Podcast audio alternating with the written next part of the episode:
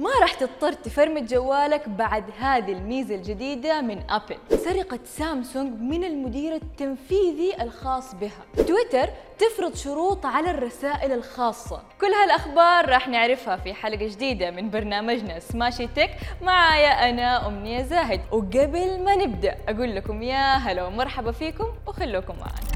أبل أطلقت ميزة جديدة في حال إنك نسيت ال password الخاص بجهازك. أول كنا نضطر نفرمت الجهاز أما الآن راح تقدر تستخدم ال password القديم لكن فقط لمدة 72 ساعة. لو عدت هذه الساعات راحت عليك. روح فرمت جهازك طلعت أنباء إن في محاولات لسرقة سامسونج ونسخ منتجاتها وآلية تصنيعها من باب المنافسة. لكن الغريب إن السرقة ما جات من شخص غريب أو شخص من الخارج.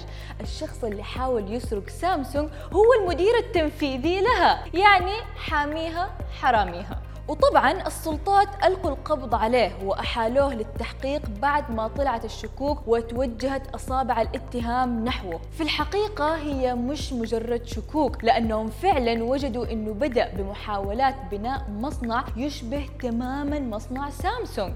إذا ما كان أصلا نسخة طبق الأصل للمصنع. واستخدم كمان نفس المخططات والنتائج والدراسات العلمية اللي استخدمتها سامسونج لصناعة الرقائق وأشباه الموصلات وهذا غير أنه فعلا تلقى استثمارات ووظف بالفعل حوالي 200 شخص في المصنع. وفوق هذا كله قالت التحقيقات أنه قال للموظفين يطبقوا تصاميم أشباه الموصلات اللي موجودة في سامسونج. بما أنه 200 موظف هذول كانوا يشتغلوا سابقا في سامسونج.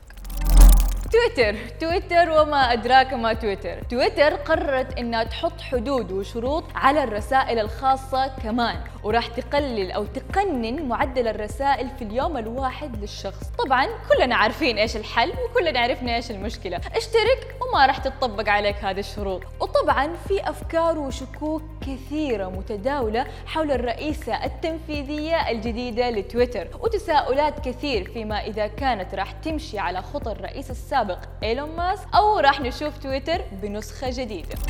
وبكذا نكون وصلنا للختام. وهذه آخر حلقاتي معاكم. كانت رحلتنا سوا مثرية ممتعة وعزيزة على قلبي. وأكيد سماشي راح يكون مكمل معاكم. وأكيد راح تشوفوني أنا موجودة معاكم في مكان آخر. أشوفكم على خير. في أمان الله.